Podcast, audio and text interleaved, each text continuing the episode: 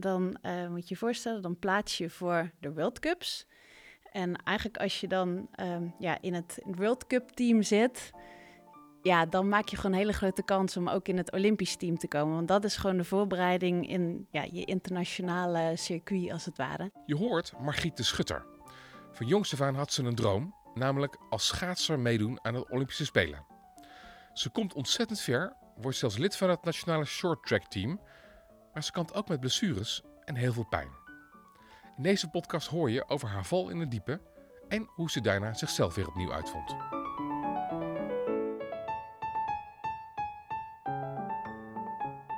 Je luistert naar Podcast Ui, de plek waar we schilverschillend leven afbellen en met de snippers van die ui het hele leven op smaak brengen. Mijn naam is Basti Baroncini en in elke aflevering praat ik met iemand die naar de hel ging, maar ook weer terugkwam met prachtige levenslessen.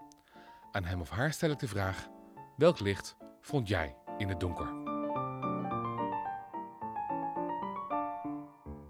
Margriete Schutter, hartelijk welkom. Dankjewel, Basti. Waarom heb jij eigenlijk nooit de absolute wereldtop gehaald? Um, daar kun je hele lange theorieën op loslaten, maar uiteindelijk had ik niet de juiste lichaamsbouw om echt de ultieme top te halen. De lichaamsbouw? Klopt. Wat dan? Mijn uh, gewrichtjes in mijn voeten, die zijn heel erg stijf. Uh, waardoor ik uiteindelijk mijn knie, zeg maar, minder goed naar voren kon drukken. Wat nodig is voor, ja, voor een, een topschaatser. Die moet echt diep zitten om zo'n zo breed mogelijke afzet te kunnen maken. Ja, en dat kon ik niet. En met heel veel wilskracht kom je een eind. Ze zeggen ook wel, waarom wil ze ze weg? Ja maar, ja, maar dat stopt bij de, bij de gewrichten dan, denk ik. Nou ja, dat, dat, dat stopt bij je lichaam. Want ik heb daarin wel geleerd, uh, je lichaam liegt nooit. Dus dan kun je het heel ver oprekken en met heel veel oefeningen en, en manuele fysiotherapie... Ja, kon ik mijn, mijn lichaam eigenlijk soepeler maken. Maar uiteindelijk, ja, de essentie van mijn lichaam paste gewoon niet in die houding. Dus, dus, het lag, dus het lag niet aan motivatie, het lag niet aan talent... Het lag niet aan hoe leuk je het schaatsen vond. Nee. Het lag gewoon echt, je werd gewoon beperkt. Het excuus is het lichaam. Uh, ja, zo zie ik het wel, ja. ja. Ja, klopt. Hoe pijnlijk is dat?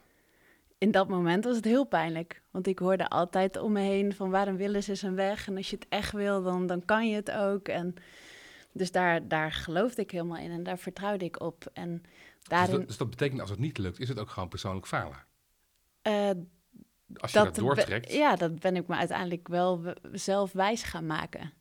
En dat is eigenlijk ook wel de motivatie geweest om, uh, ja, om te gaan doen wat ik nu eigenlijk doe. Ja, maar we gaan niet nu al aan het begin nee, al nee, maar dat ga ik ook nee, kun, maar dat... kun je mij meenemen, alsjeblieft? Kun je mij vertellen, wat was de eerste keer in jouw hoofd dat de gedachte rondging... misschien moet ik wel stoppen. Misschien ben ik gewoon niet goed genoeg voor dit vak. Wat was het allereerste moment? Um, dat zijn meerdere momenten geweest. Uh, dat was tijdens het Olympisch seizoen in 2010. We waren met acht meiden van het nationaal uh, shorttrack team. Um, ja, in volle voorbereiding voor de Olympische Spelen. En van de acht mochten er vijf naar de Spelen. Dus we wisten sowieso dat er drie af zouden moeten vallen. Nou, eerst heb je nog de, de taak om je als land te plaatsen voor de Spelen. Nou, dat was gelukt. En dan komt er een, ja, en toch wel een interne strijd van... oké, wie, wie zijn de, de lucky five die naar de Olympische Spelen mogen? Dan ben je vriendinnen en je bent concurrenten dus ook, hè? Ja, want uh, je hebt ook nog te maken met een relay. Dat is een estafette um, onderdeel. onderdeel afstand. Dus in wezen moet je het samen doen. Maar om ook weer in dat relay-team te komen... moet je ook weer met elkaar concurreren. Dus ja, het is eigenlijk een... een ja, qua mentaal is het eigenlijk ja, heel, heel gek eigenlijk. Goed, en toen? Um, dat was, het begon eigenlijk in de zomer van, ja, ter voorbereiding voor, voor het winterseizoen. Uh, eigenlijk bestaat een Olympisch seizoen uit vier jaar. Maar nou, die zomer merkte ik al dat het gewoon eigenlijk heel goed ging. En dan moet ik bij vertellen dat van die acht zat ik altijd rond plek vijf, zes, zeven, soms acht. Dus ik moest echt een hele goede dag hebben. En ik had ook constant het gevoel dat ik me moest bewijzen. Dat ik elke keer, eigenlijk nummer 1, 2 en 3, die waren eigenlijk altijd, ja, eigenlijk wel vrijwel zeker. Dus bij iedere training merkte ik ook, ik moet me laten zien aan de trainer. Want de trainer zat ook in de, in de selectiecommissie. Dus als je bij je bondscoach, als hij in je geloofde, dan, ja, dan zat je eigenlijk gewoon goed. En dat was dus eigenlijk constant achteraf gezien, iedere dag voor mezelf die bewijsdrang. Ik moet me bewijzen. Dus ook al was het een rustige training, en met de wetenschap dus dat ik moeite had om diep te zitten, um, had ik ook iedere dag het doel, ik moet diep zitten um, en me laten zien. Dus als mijn teamgenoten een rustige training had of hadden, dan was ik mezelf eigenlijk al aan het uitputten. En was ik constant mezelf op de training aan het bewijzen. Dus op het moment dat de, de wedstrijden er waren, ja, was ik eigenlijk al ja, opgebrand, om het maar zo te zeggen. Um, maar tot die bewuste ja, Olympische zomer merkte ik gewoon ook met, met uh, manuele fysiotherapie die, uh, dat dat echt wel aansloeg. Dus op mijn benen of mijn, mijn gewrichten in mijn voeten, dat dat gewoon allemaal veel soepeler werd. Ik kon op, ja, een op een relaxtere manier diep zitten. Waardoor ik heel veel, ja, toch wel energie overhield. En, en dat betaalde zich uit in de trainingen. En was toen het allereerste um, selectiemoment was in uh, september. En dan uh, moet je je voorstellen, dan plaats je voor de World Cups. En eigenlijk als je dan um, ja, in het World Cup team zit, ja, dan maak je gewoon een hele grote kans om ook in het Olympisch team te komen. Want dat is gewoon de voorbereiding in ja, je internationale circuit, als het ware. En als je die stap al mist, ja, dan wordt het gewoon heel moeilijk om dan nog in dat internationale team goed, te komen. Het ging beter. Het ging ja. beter tot dat selectiemoment. Um, toen was ik, het was een internationaal moment, maar toen was ik derde geworden van, bij de Nederlandse, van de Nederlandse dames. Toen dacht ik, nou, nu kunnen ze echt niet meer om me heen. Uh, en toen merkte ik, uh, het was een, een driedaagse wedstrijd. En toen s'avonds had ik een gesprek met mijn coach om gewoon al uh, nou ja, de, de, hele tactiek door te spreken. En toen zei hij van, ja, leuk wat je gepresteerd hebt, maar ja, we gaan je toch niet kiezen. En dat was op dat moment nou weer zo'n zo'n klap in mijn gezicht dat ik dacht van ja, wat moet ik in godsnaam nog meer doen om alsnog ja, geselecteerd te worden. En ja, achteraf was dat nou ja, figuurlijk de eerste klap. Uh, de volgende dag, nou, ik dacht ook van, nou, ik, ik ga me gewoon kaart bewijzen. Ik ga laten zien dat, ik, dat het niet een, een, nou ja, een, een gelukje was dat ik uh, dit presteerde.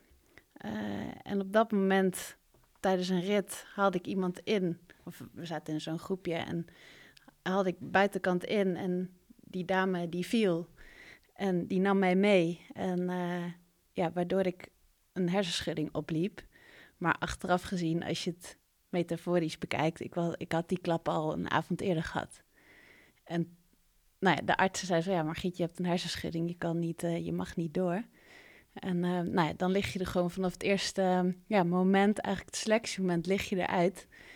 En ja, was dat eigenlijk al einde oefening voor het Olympische, ja, Olympisch seizoen. Je zegt, die gedachte van stoppen, die kwam al een paar keer. Dit was, ja. dit was eigenlijk het eerste moment ja. dat, het een, dat het een soort van optie werd. Wanneer werd de mogelijkheid van stoppen steeds groter, steeds nadrukkelijker? Nou ja, de Olympische Spelen was in, in februari 2010. Dit was rond september, oktober 2009. Dus dan heb je eigenlijk nog vier tot vijf maanden tot dat moment. Nou, dan kun je je voorstellen dat je teamgenoten gaan naar het buitenland, die gaan die World Cups doen. Uh, ik bleef met twee anderen bleef ik achter. Uh, ik was nog herstellende dus van die hersenschudding, maar eigenlijk was ik herstellende van ja, dat ze niet in me geloven, dat gevoel. Um, maar toch, die, die bewijsdrang en altijd, ja, toch ook wel om me heen horende van waar een wil is, is een weg. En je kan het. En ik had ja, zoveel voorbeelden ook om me heen. Um, bijvoorbeeld die dezelfde lichaamsbouw hadden of dezelfde techniek, die, die wel de wereldtop bereikten. Bijvoorbeeld uh, meiden uit Canada. Dus ik had, ik had in mijn hoofd van ja, ik geloof er gewoon in.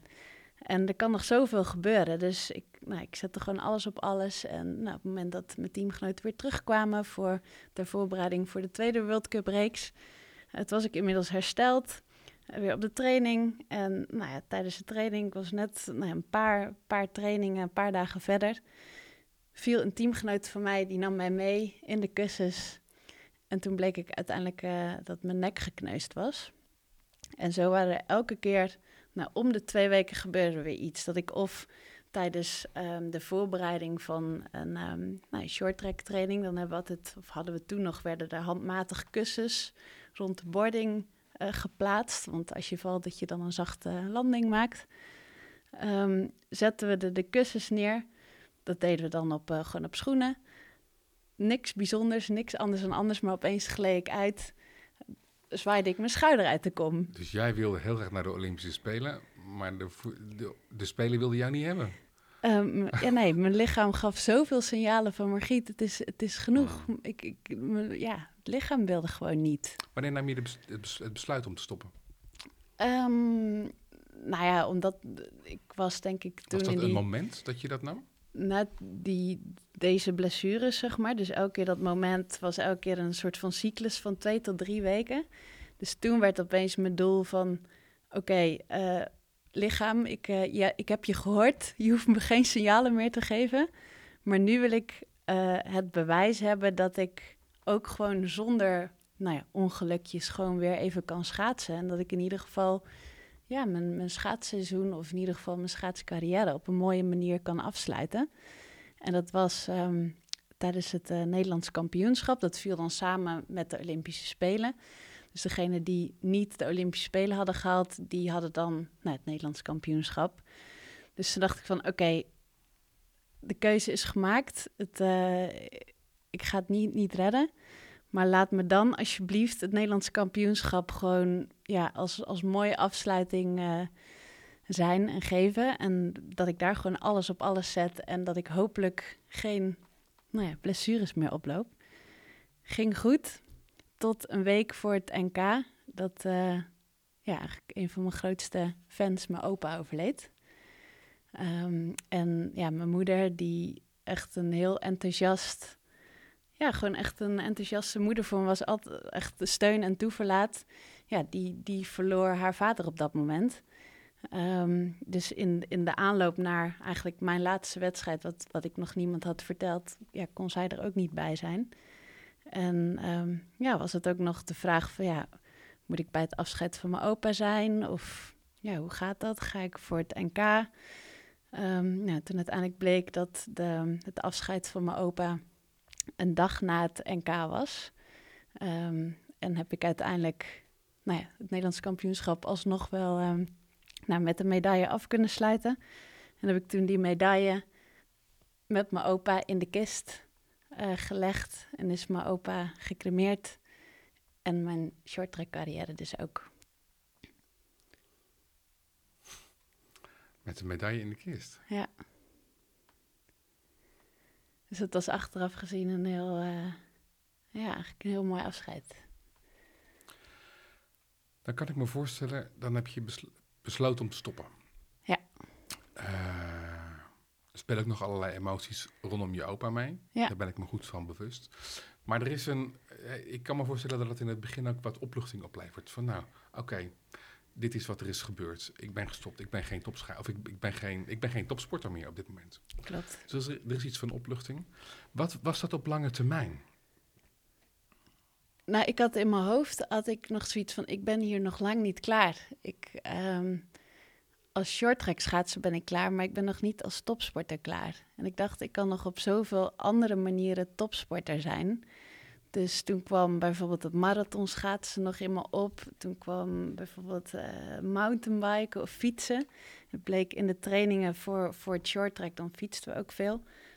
Um, ja, kwam ik eigenlijk wel achter dat ik daarin wel, nou ja, wel... wel uh, plezier had? Ja, plezier had, maar ook gewoon wel uh, dat daar wel mijn kracht lag. Daar, daar hoefde je niet diep voor te zitten. en daar kon ik wel mijn kracht kwijt en, en mijn snelheid en en doorzettingsvermogen en kaart voor een doel gaan. En dat soort elementen, ja, daar, als je toch in vormen van talent spreekt, dat talent had ik wel. Dus ik dacht, ja, het is eigenlijk zonde om me zo te focussen op dat short track, terwijl het op andere, ja, op andere manieren misschien wel zou lukken. Dus met die gedachte uh, zou ik het laatste jaar van mijn studie uh, weer oppakken. Dat was uh, internationale communicatie. Dat had ik anderhalf jaar stopgezet voor de Spelen. En ik had sowieso bedacht van, ook al haal ik de Spelen wel of niet... Ik, nou, ik wil sowieso mijn studie afmaken. Ehm, en toen kon ik um, afstuderen in een vorm van een documentaire. En ja, ik weet nog goed dat ik op een duur in een collegebanken zat... En dat ik opeens een compliment van, van de docent kreeg op een opdracht of een, een, een nou ja, iets. Op, ja, op iets. een, compli en, een, compliment. Een, een, compliment. En dat was voor mij echt zoiets bijzonders. En een, een studiegenoot die naast me zat, die, daarom weet ik het ook nog, die, die keek me echt zo aan van, wow, wat gebeurt er met jou? En toen zei ik, ja, van dit, dit, dit ben ik zo niet gewend om een compliment te ontvangen. Want in de topsport? Nou ja, daar uh, hoorde ik eigenlijk constant alleen maar van wat er beter kon. En dat is voor een deel topsport eigen. Want denk het wel. tevreden mensen gaan op het terras zitten. Hè? Dus, dus, ja, dus, dus, Ja. dus er is altijd een reden om door te gaan. ja, En in jouw geval ook omdat je nou ja, achterbleef. ja, klopt. En tegelijkertijd, dat had ik mezelf ook wel heel erg wijs gemaakt. Van ja, van dingen die goed gaan, daar leer je niks van. Dus vertel me maar wat er niet goed gaat. Want daar, daar kan ik in Oh. verbeteren. Ja. Dus dat is denk ik ook de cultuur die zo een beetje ontstaan is. En ehm, ja, dat, dat was mijn leven. Dus ik wist het ook niet beter. Totdat ik dus zeg maar in de normale wereld Ja. kwam. Wat voor een ander heel normaal is. Maar voor mij was het echt zoiets van wow. En toen kreeg ik om me heen van mensen te horen van wow, Margrietje straalt. En ja, toen begon steeds meer het kwartje te vallen van ja, die topsport. Ik dacht altijd dat het mijn leven was, maar schijnbaar... Ja, is, is dat toch... Is er eh, nog, is er, is er nog, is, zijn er ook nog andere dingen? ja, Ja. inderdaad. Hey, eh, in, in het boek waar ik het al eventjes over had net, eh, in de inleiding, daar is, de- je begint ergens met partir c'est mourir un peu. Ja, Welk deel is er met jou gestorven met de topsporter? ehm, nou wat wel, wel grappig was, een, een tijd geleden sprak ik met de huidige bondscoach van nu, eh, Jeroen Otter. En toen blikte een beetje, ik, ik heb nooit, hij is nooit mijn coach geweest, eh, helaas zeg ik. Want ik denk dat dat een, eh, ja, voor mij een hele goede coach was geweest. Maar hij zei van, hoe ik dat zo observeer en hoe dat toen voor jou was. Je kan het denk ik vergelijken met dat jij verliefd was op het shorttrack, maar het was geen wederzijdse liefde. En toen dacht ik, ja, dit is, dit is denk ik een hele mooie, mooie omschrijving van hoe het was. En wat is er dan in jou gest- gest- gestorven hier? Ehm, Als jij nou bestaat als mens uit allemaal facetten en eigenschappen en kanten en welk deel ik denk het, het lichamelijke deel, mezelf uitputten. Mezelf lichamelijk de hele tijd uitputten, want al die andere facetten... Waarom deed je dat? Want dat had ook een functie blijkbaar. Ja, omdat ik ervan overtuigd was dat dat nodig was. En ik denk ook dat dat nodig is, want als je, ja, sowieso sporten, dat is, dat, dat is je lichaam gebruiken. Zou je kunnen zeggen dat wat gestorven is, is een, misschien wel een set aan verkeerde overtuigingen? Wellicht. Ga maar zo direct wat uitgebreider over doorpraten. Ja, Ehm, dan hebben we het ook over identiteit. Eh, die, jouw identiteit was, ik ben een topsporter. Ja. Wat werd die daarna? Ehm, ik dacht inderdaad altijd dat ik als topsporter meer was dan alleen topsporter. Totdat ik stopte en ik erachter kwam dat op verjaardagen of, of ehm, ja, feestjes of wat dan ook, dat de standaardvraag is: wat doe je?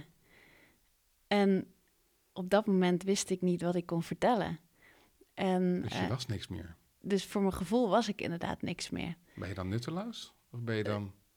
Nou ja, dat, dat gevoel had ik wel dat ik bijvoorbeeld of een, een ehm, niet meer bijzonder was, of dat ik geen verhaal meer had. Eh, Wat had je eraan opgehangen allemaal, aan die identiteit van topsporter? Ehm, nou, dat je bijzonder bent, dat je. ehm, als ik het vergelijk bijvoorbeeld met, met de cultuur van Amerikanen. Als je daar vertelt als Amerikaan van ik heb een Olympische droom en daar doe ik alles voor, dan ben je al helemaal gemaakt in Amerika. ook Ja. iets wat je zelf wijs maakt. Maar in, in Nederland is het zo van als je dat vertelt. Ja, leuk, maar wat voor studie doe je? Of wat, wat voor werk doe je? Dus daar wordt het niet echt, of het wordt wel steeds beter, maar no- nog steeds Maar wordt het niet als ik- gezien als, Begrijp ik. Maar toen je stopte, viel er toch iets weg. Ja, Beland Ja. je dan in... En wa- wat is dan de crisis? Is, is er een, is er, dat, dit klinkt als exist- existentieel. Wie ben ik nog? Absoluut. Ja, ik, ik voelde alsof ik daardoor bijzonder was. Dat dat hetgeen was wie ik was. Ik dacht, dan- en als je dan niet meer bijzonder bent, wie ben je dan nog wel? nou, dat wist ik op dat moment niet. En, ik was ook bang dat, dat bijvoorbeeld eh, mijn vriend me niet meer leuk zou vinden. Dat eh, vrienden überhaupt me niet meer interessant vonden. Ehm, ja, je moet jezelf gewoon helemaal opnieuw gaan ontdekken. En toen kwam ik er wel steeds meer achter van... het gaat er niet om wat je doet. Het gaat erom wie je bent of wat je drijft of wat Dat, je... is, dat is wat later komt. Ja, Hoe diep was het zwarte gat?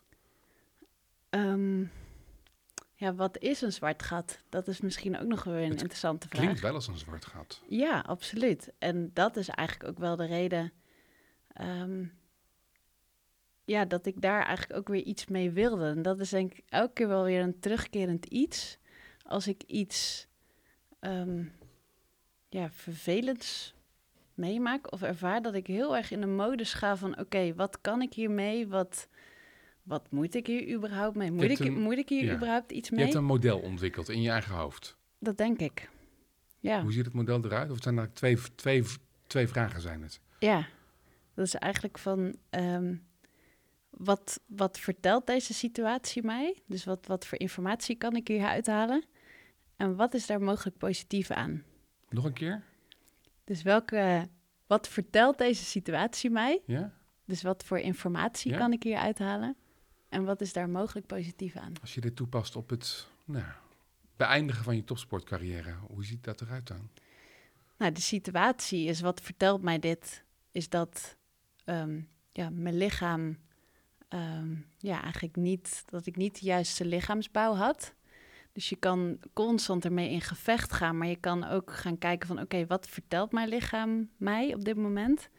Nou, mijn geval was eh Margriet stop ermee, want ik, ik kan, het, kan het gewoon niet meer. Ik krijg er heel veel blessures van. Ehm, en ja, wat is er mogelijk positief aan? Nou, op dat moment kon ik dat niet bedenken. Maar dus het laatste jaar van mijn studie ehm, ja, gaan afmaken en daar constant ja, eigenlijk dingetjes gebeurden waarvan ik dacht, wow, bijvoorbeeld het compliment van die, die docent, dat ik dacht van, wow, wat gebeurt hier? En ik eigenlijk ehm, ja, de liefde voor documentaires maken en, en verhalen vertellen en het, ja, de taboes vertellen. Want ja, ik merkte ook om me heen dat heel veel ja, sporters of mensen die in een veranderingsproces zitten, dat die zoiets hadden van, ehm, ja, zwart gat, dat is, dat is iets negatiefs. Ik wil niet die persoon zijn die in dat zwarte gat is geraakt, want dat is of slecht voor mijn cv of slecht voor mijn imago of iets. Wat ik fascinerend vond, is dat jij vertelde dat ehm, eh, als je de top wil halen, dan is er uitgebreide begeleiding. De dag dat je stopt, valt alles weg. Er is niemand die er meer naar je omkijkt. Klopt, want dan kan er eigenlijk ook niks meer aan je verdiend worden, letterlijk. Dus Ja. de coach kan, kan niks meer met jou, die kan geen sier meer met je halen. Ehm, Dus aftrainen, eh, fysiek en mentaal, ja, zoek het zelf maar uit. dat was het. Dus ik ben nu eh, ruim tien jaar geleden gestopt. Toen was het echt zo. Ehm, er was toen wel steun vanuit NOC-NSF, maar als je dan eh, in mijn geval dus niet naar de Spelen was gegaan, was ik geen A-sporter, dus viel ik overal buiten. En dan is het wel echt van, ja, ehm, zoek het maar uit. En dan is het nog steeds van, ja, zit je zelf ook zo in elkaar? Le- leg je het lot bij de ander of pak je zelf eh, het lot in handen en zeg je van, eh, ik, ik heb gewoon hulp nodig of ik kom er niet uit of, of ik wil er zelf Hmm. wat aan gaan doen. Maar dat is ook nog zoiets wat ik ook nou, bij mezelf heb gemerkt en ook wel bij, bij andere sporters merk. Je wordt zo geconditioneerd om ja, zo ontastbaar te zijn eigenlijk. Gewoon je kwetsbaarheden, ja, daar word je op gepakt. Want je wil niet dat je concurrent ja, jouw kwetsbaarheden ziet, want dan weet hij waar je je kan pakken.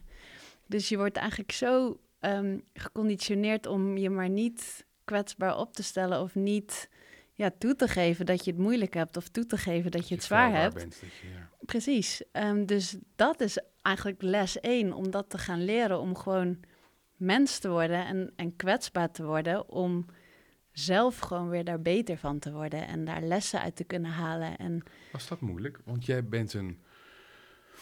Je zit in een hele harde omgeving. Hoe ingewikkeld is het dan om weer te verzachten? ik voelde dat ik echt wereldvreemd was. Ik kan me nog herinneren, ehm, tijdens eh, nou ja, die collegeuren bijvoorbeeld, als we dan moesten werken aan een project. Ehm, voor mij was een deadline een deadline. Dat voelde als een wedstrijd. Daar moet je presteren. Daar, daar gaat het om. En daar moet je voor, klaar voor zijn. En dat ik bijvoorbeeld in een, in een projectgroep zat. En eh, nou, dat ze dan even pauze wilden houden om even een sigaretje te roken. Of even. En jij dacht, pauze? Pauze? Pauze? Ik Roken? dacht, ja, nou dat.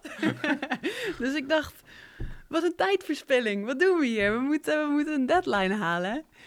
En ook, eh, nou ja, gewoon Ik een wil soort nog even humor. weten over dat verzachten als je het oké vindt. Want eh, sporten gaat heel erg over dingen doen, halen, actie, resultaat. En verzachten is juist, en die kwetsbaarheid toelaten, is juist vaak dingen niet doen. Klopt, Ontspannen. ja. Moest je dat leren? Was dat ingewikkeld voor je? Ja, maar ook dat, ehm, dat, dat ik genoeg ben. Dus dat je niet het label topsporter of wat voor label dan ook, dat je dat nodig hebt om genoeg te zijn. Dat is altijd wel een, eh, een, een ding geweest. En wat ook heel erg heeft geholpen, is omdat ik dus ervaarde nou ja, dat er qua nazorg voor sporters nog veel te winnen viel dacht ik, ja, er kwam zo'n intrinsieke motivatie om daar iets voor te doen. Ik dacht, ja, ik ben niet de enige die dit ervaart. En hoe, hoe kan ik het ook aan, aan mensen laten zien? Want ik hoorde ook om me heen dat, ja, eh, dat ze zeiden van, ja, leuk dat je stopt met je hobby, maar ehm, ja, wat is het probleem? Terwijl ik zoiets had het is geen hobby. En ik, ik snap dat mensen dat zo kunnen ervaren, maar het is gewoon een complete lifestyle. En dat wilde ik gewoon aan mensen laten zien. En zo is eigenlijk het, nou ja, Nog over het verschil tussen hobby en lifestyle gesproken. Nu ga Ja. ik je misschien helemaal boos maken. maar ik ben wel eventjes benieuwd. Hè? Zo in de geschiedenis van de, van de mensheid. Hè? We leefden in kleine groepjes en dan gingen we in dorpjes wonen, et cetera. In het begin, toen begonnen ze eigenlijk met arbeidsdeling. Dus het kostte te veel, te, te veel tijd als iedereen brood maakte. En hoefijzers en dakpannen. Dus ging gewoon één persoon die ging brood bakken. Zodat ja, andere mensen weer hun dingen konden gaan doen. En dat, ging, dat kon je met elkaar ruilen, al dan niet met geld erbij. En naarmate de samenleving complexer werd, kwamen er ook complexe beroepen bij, zoals bijvoorbeeld een dokter of zo. Op welk moment zijn wij in de samenleving mensen vrij gaan maken om rondjes te rijden op ijs 1 honderdste sneller dan de ander? Nou, misschien kunnen we anders stellen. Nou, ik Van- vind hem zo eigenlijk al heel erg leuk. Ja, de, de complimenten voor jou. Nee, maar wat is, Zeker een goede vraag. wat, wat, is wat, wat voor functie heeft dat in de samenleving? Wa- waarom vinden we dat belangrijk? Nou, waar, waar komt de, de gezegde geef het volk brood en spelen? Dan houd je, hou je het volk rustig. Waar komt dat vandaan? Je bent een gladiator.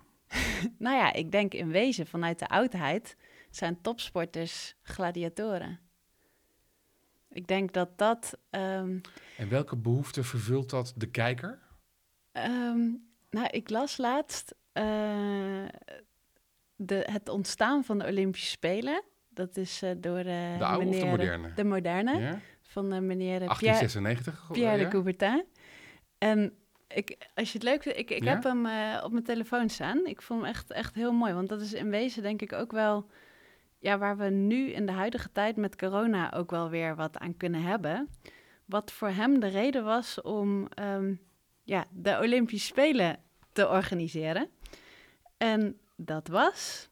ehm, de Coubertin was voor de bevordering van een harmonieuze lichamelijke en geestelijke opvoeding van de jeugd en de versterking van de vrien- vriendschapsbanden tussen de volkeren, overtuigd als hij was dat de sportieve krachtmeting, edelmoedigheid en ridderlijkheid bij de atleet zou aankweken als mede respect voor de prestatie van de tegenstander. De eerste zin vind ik het meest fascinerend. Een harmonieuze samenwerking tussen- lichaam en geest. Ja, Dat was het bij jou volstrekt niet. nee, achteraf niet. Terwijl in het begin was ik daar van heilig van overtuigd dat het wel zo was. Want dit beschrijft eigenlijk een, zeg maar, het, het, het, het, het topsport als het ontstaan van een, een beter of een nobeler mens. Ja. Dat al als een soort van ideaal. Ja, en balans, in balans zijn, Ja, denk ja, ik. ja. Prachtig. Waar ging het bij jou mis? Want je bent jezelf uit oog verloren. Je bent jezelf kwijtgeraakt. Klopt. Ik was te krampachtig in eh, het willen zijn van een topsporter. Ik had ooit ehm, bijvoorbeeld ehm Rintje Ritsma was een van mijn grote idolen. Hmm. En ik had ergens in een interview van hem gelezen dat hij voor een wedstrijd droge spaghetti at. Dus zonder saus, zonder wat dan ook. Dus toen dacht ik, oh, dat is nodig om, om topsporter te zijn. Dus ik sloeg in dat soort dingen heel erg door. Terwijl ehm, een betere vraag zou zijn van, voor mezelf: van oké, Margriet, wat heb jij nodig om in ja, de ultieme extase te zijn, of in, in, in de ultieme balans om een ultieme prestatie te leveren? Dus in plaats van wat heb ik nodig om te kunnen excelleren, was Ja. het hoe moet ik me naar anderen voegen of hoe moet ik op anderen lijken om hun prestatie te evenaren? Hoe ziet een leven van een topsporter het beste eruit? Of hoe, hoe ehm, ziet in mijn hoofd een topsporter eruit? En wat moet ik daarvoor doen om daarop te lijken? Dit is, eh, ehm, dat is heel mooi. En daarmee beschrijf je denk ik ook iets algemeens. Het wegraken van jezelf. Absoluut. Ik heb ook jarenlang geprobeerd om een interviewer te zijn, ehm, lijkend op andere mensen. Ja, Wie dan ook. Of dat nou, of dat nou, of dat nou Sven Kokkelman was of eh, Mieke van der Weijen of wie dan ook. ja, In plaats van wat komt er vanuit mijzelf aan, aan nou ja, nieuwsgierigheid, warmte, interesse, de hele mikmak. exact. Want een Sven Kokkelman is er al. Dus het gaat erom, het is niet mijn ideaal hoor, maar Ja. eh, dus het gaat erom dat je, het gaat erom dat je jezelf wordt. Exact. Als jij geen topsporter bent, dat was dus de vergissing. Wie ben je dan wel? Nou ja, ik was dus heel erg eh, bezig en ik was heel, heel veel heel erg moeite aan het doen om dus een topsporter te zijn. Dus om iemand te zijn. Terwijl, was. Ja. nou ja, terwijl als je gewoon bent, dan hoef je je best niet te doen, want je ja, bent. maar dat is natuurlijk ook flauw. Ja, je kunt wel zeggen, ik ben Margriet en betaal me er maar voor, maar zo werkt het ook niet. Was het maar zo. nou ja, misschien ja, ja, juist wel. Of als je... Ja? Het gaat er natuurlijk om dat je zo autonoom bent. We we zijn, ja, autonoom. Volgens mij zijn we hier op aarde om ook iets toe te voegen aan het geheel. Ja, Of dat nou eh, het stellen van vragen is, zoals ik, of het zijn van een gladiator, wat je altijd had gehoopt. Je probeert iets toe te voegen aan het geheel. Op hoog niveau, laag niveau, ieder op, ieder op zijn eigen manier. ja.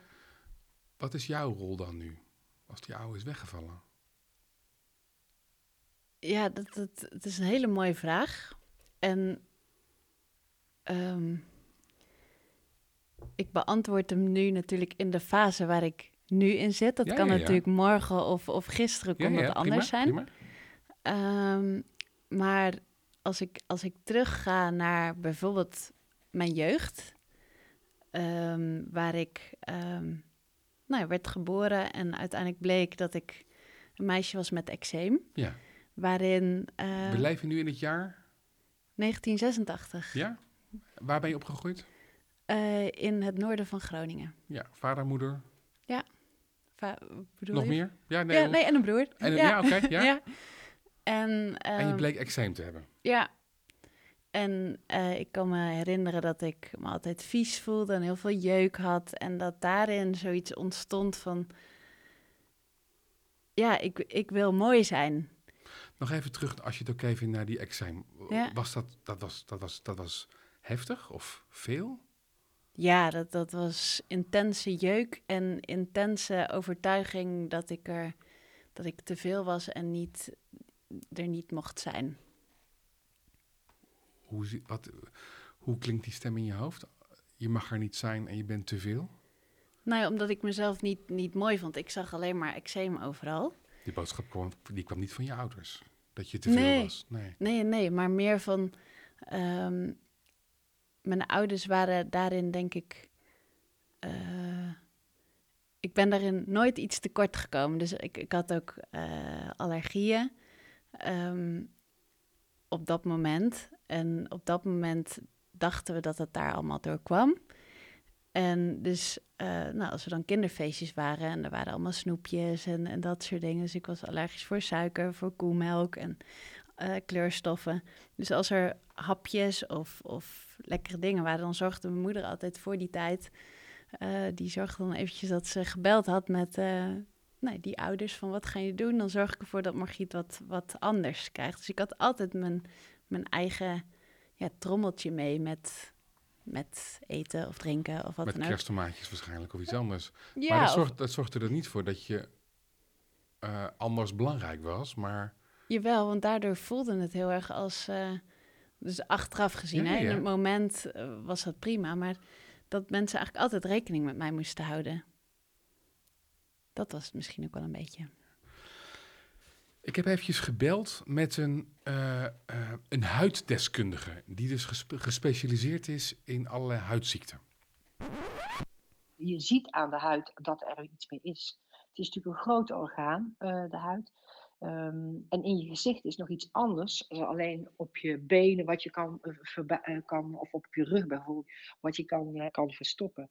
Het, heeft, ehm, het maakt dat je zelf, als je in de spiegel kijkt, want je staat toch met jezelf op eh, en je gaat met jezelf naar bed.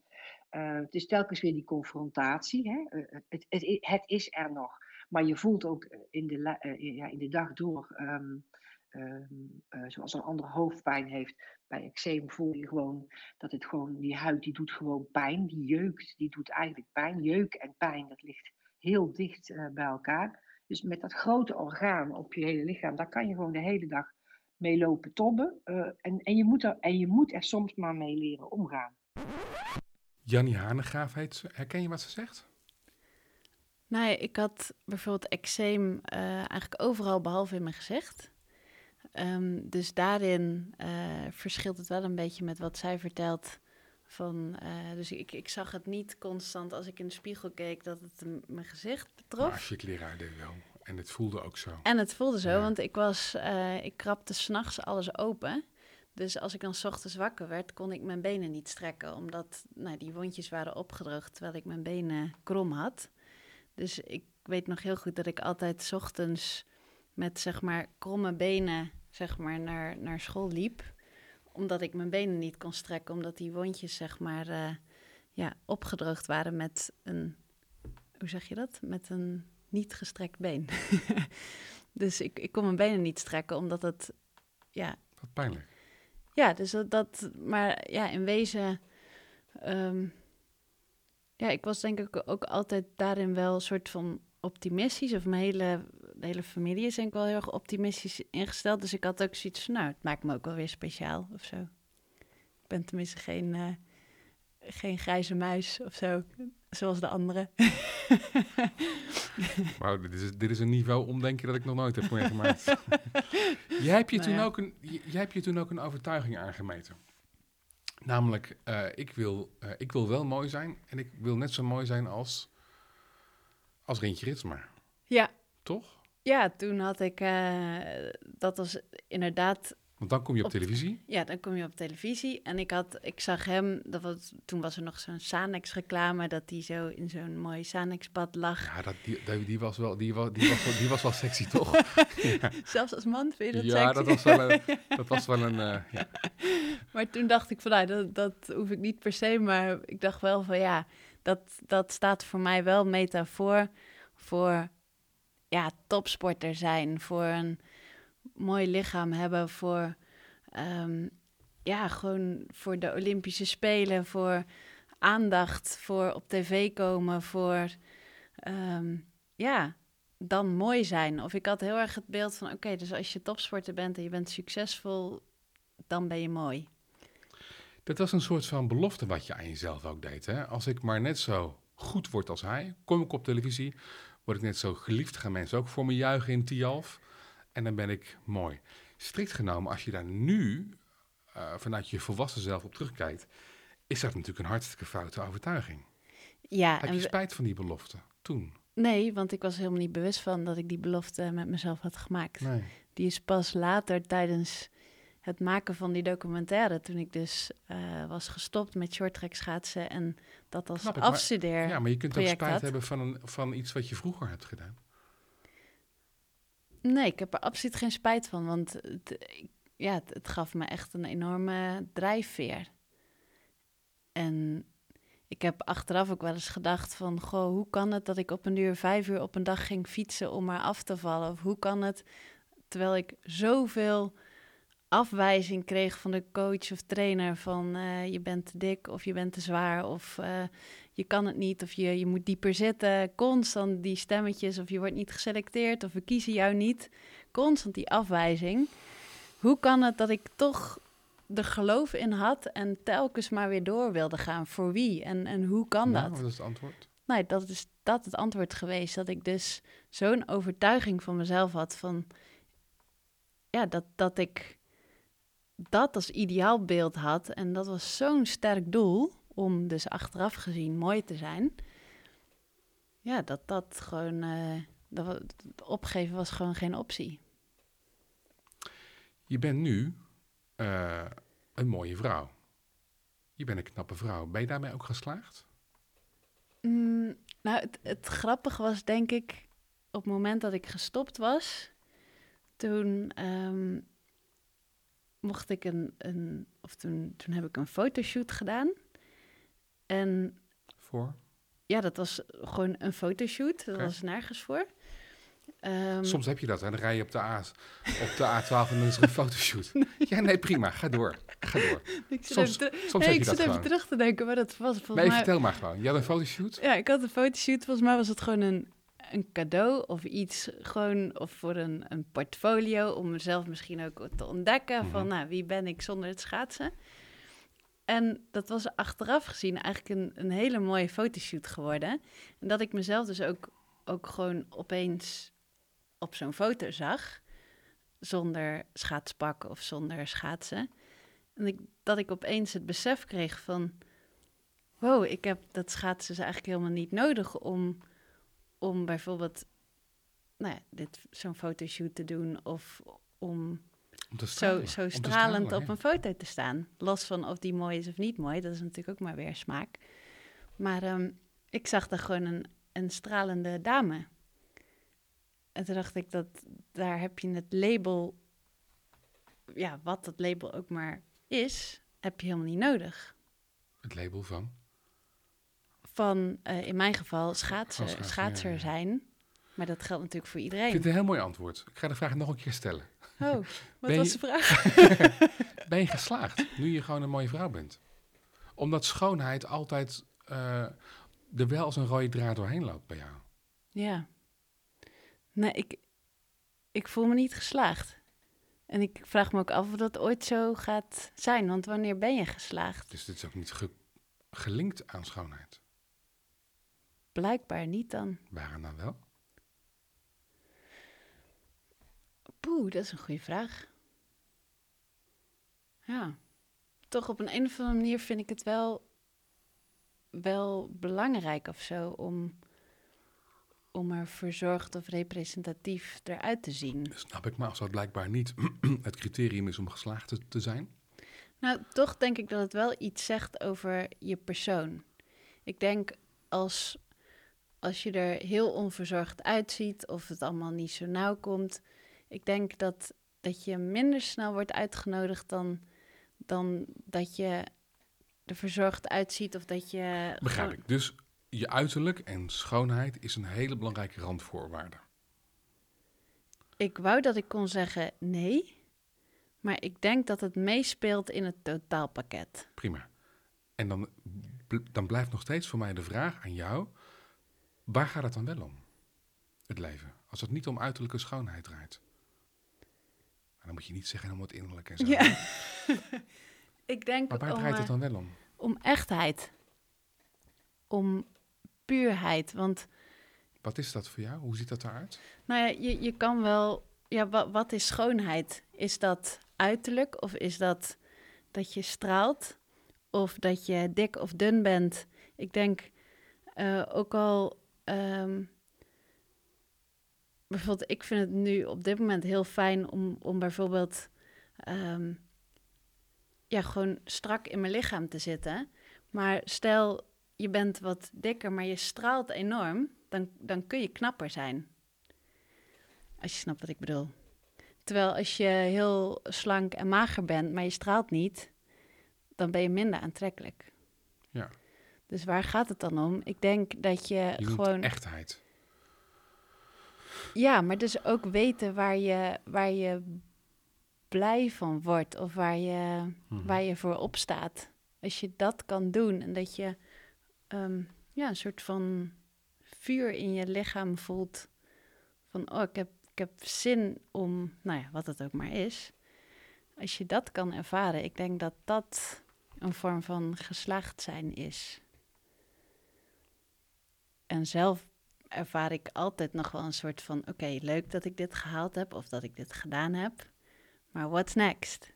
En dat is denk ik ook best wel een, gevaarlijke voor mezelf ook. Van soms ook best wel jammer of wel zonde. Van, misschien ook juist wel heel erg mooi om gewoon eens even stil te staan en te genieten van wat er al is geweest, zodat je weer met extra energie kunt doorbouwen. En weer door kunt gaan. Ja. Ehm, topsport heeft jou eerst van jezelf af laten drijven. Hadden we het al even over, hè? dat je jezelf kwijtgeraakt bent. Heeft het je uiteindelijk ook weer het hele proces erna ook weer dichter bij jezelf gebracht? Ja, het heeft me eigenlijk eh, ook die documentaire en, en uiteindelijk ook het vervolg daarop, het boek Stoppen en Doorgaan, uiteindelijk ehm, ja, gedwongen om op zoek te gaan naar mezelf. Wie dat dan ook is. Nou ja, wie dat dan... Ik, ik mag hopen dat je daar al een begin van een antwoord op hebt. Nee, ik weet het niet. Ik weet, ik, Je weet niet wie je bent?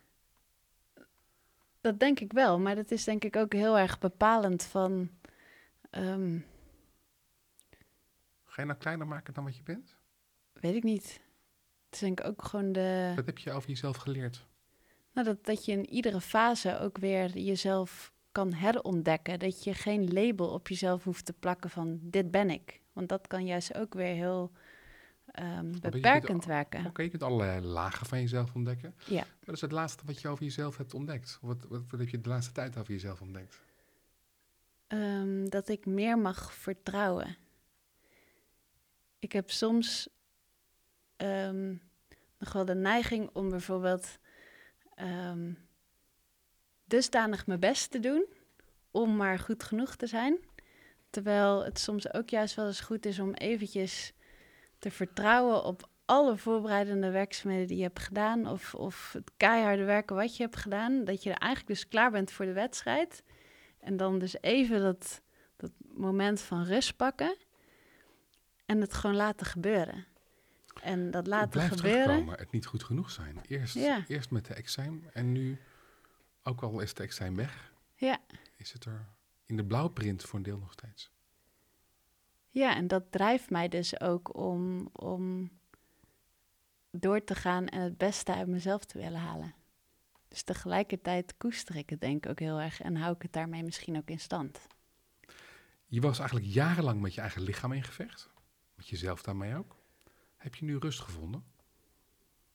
Het klinkt een beetje alsof je dood bent, hè? Maar, zo, maar, maar zo bedoel ik dat niet. Heb je rust gevonden in de strijd? Of nu de, nu de, nu de strijd weg is? Nou, ik, ik zou denk ik het woord strijd niet zo snel zelf in de mond nemen. Want strijd vind ik heel negatievig, alsof je Luister, ergens mee in gevecht gaat. Op het moment dat, jou, dat jouw coach zegt dat je te zwaar bent en je gaat eh, buiten de trainingen om vijf uur per dag extra fietsen, Ja. dan ben je gewoon aan het strijden. Kom op. Dan kun je zeggen het is negatief, maar ja, je bent aan het strijden, maar de kunst is om het te laten stromen. Dus als je in gevecht gaat en boos wordt en kwaad wordt, Ja. ja, dan zet je jezelf eigenlijk op slot. Zet je, dat, ja, dat zeg je achteraf. Maar, Ja. maar in, die, in die topsportperiode was je ontzettend aan het strijden met je gewrichten, met je... Met je Ja, met- klopt. met- Het, gewoon het met- grappige is alles. dat, ja, dat De die vraag man... is, heb je nu rust inmiddels? Ja, maar wat is rust? Ja. Wat versta je onder rust? Misschien de afwezigheid van strijd? Ehm, ja, ik kan, als je- je, als kijk, je er toch is- het woord strijd Er hebt... is iets van een gezonde uitdaging en eh, een gezond vooruit willen. Ja, En er is het gewoon het, het, het, het bikkelen, het, het, eh, het, eh, het echt het zware afzien. En ook dat is gedurende een paar uur per dag niet erg, maar Nee. het moet je leven be- beheersen. klopt. Nou, ik denk dat ik het nu beter kan omarmen. Dat dat het verschil is. Toen, De, de wat? De strijd? Is die er nog steeds? Nee, gewoon meer als bijvoorbeeld dingen even niet zo gaat zoals je graag zou willen. Hmm. Omdat je het voorbeeld noemt van, eh, vanuit de sport. Dat, dat ik toen ehm, inderdaad wel constant in, ja, misschien ook wel frustratie zat. Van, ah, ik wil zo graag, maar het lukt niet. Hmm. Dat ik nu het sneller zie als informatie van, oké, waarom lukt het dan niet? En dan kan ik maar als, als dolle stier, wat toevallig ook mijn sterrenbeeld is, maar door willen blijven gaan. Maar ik kan misschien ook net even wat eerder naar mijn gevoel en intuïtie en luisteren en mijn hersens gebruiken om Klopt te dat wat kijken. ze zeggen over stieren? Dat Wat? die maar doorgaan? In mijn geval wel, ja. Ja, Ja, ja, ja. hey, jij wilde dolgraag naar de Olympische Spelen. ja, Dat was de droom. absoluut. Daar leefde je voor. Ja. Daar zette je alles voor opzij. Dat was de heilige graal. Ja. Jouw achternaam is De Schutter. Yes. Heb je wel eens aan boogschieten gedaan? dat is al sinds 1900 een Olympische discipline. Oh, hilarisch. Ik heb geen idee. Of is de Olympische droom nu eh ik ik verleden? denk dat, het, eh, k- dat ik meer activiteit nodig heb. Het schieten is natuurlijk ook wel, eh, wel veel stilstaan. Margriet de Schutter, dankjewel. Jij bedankt.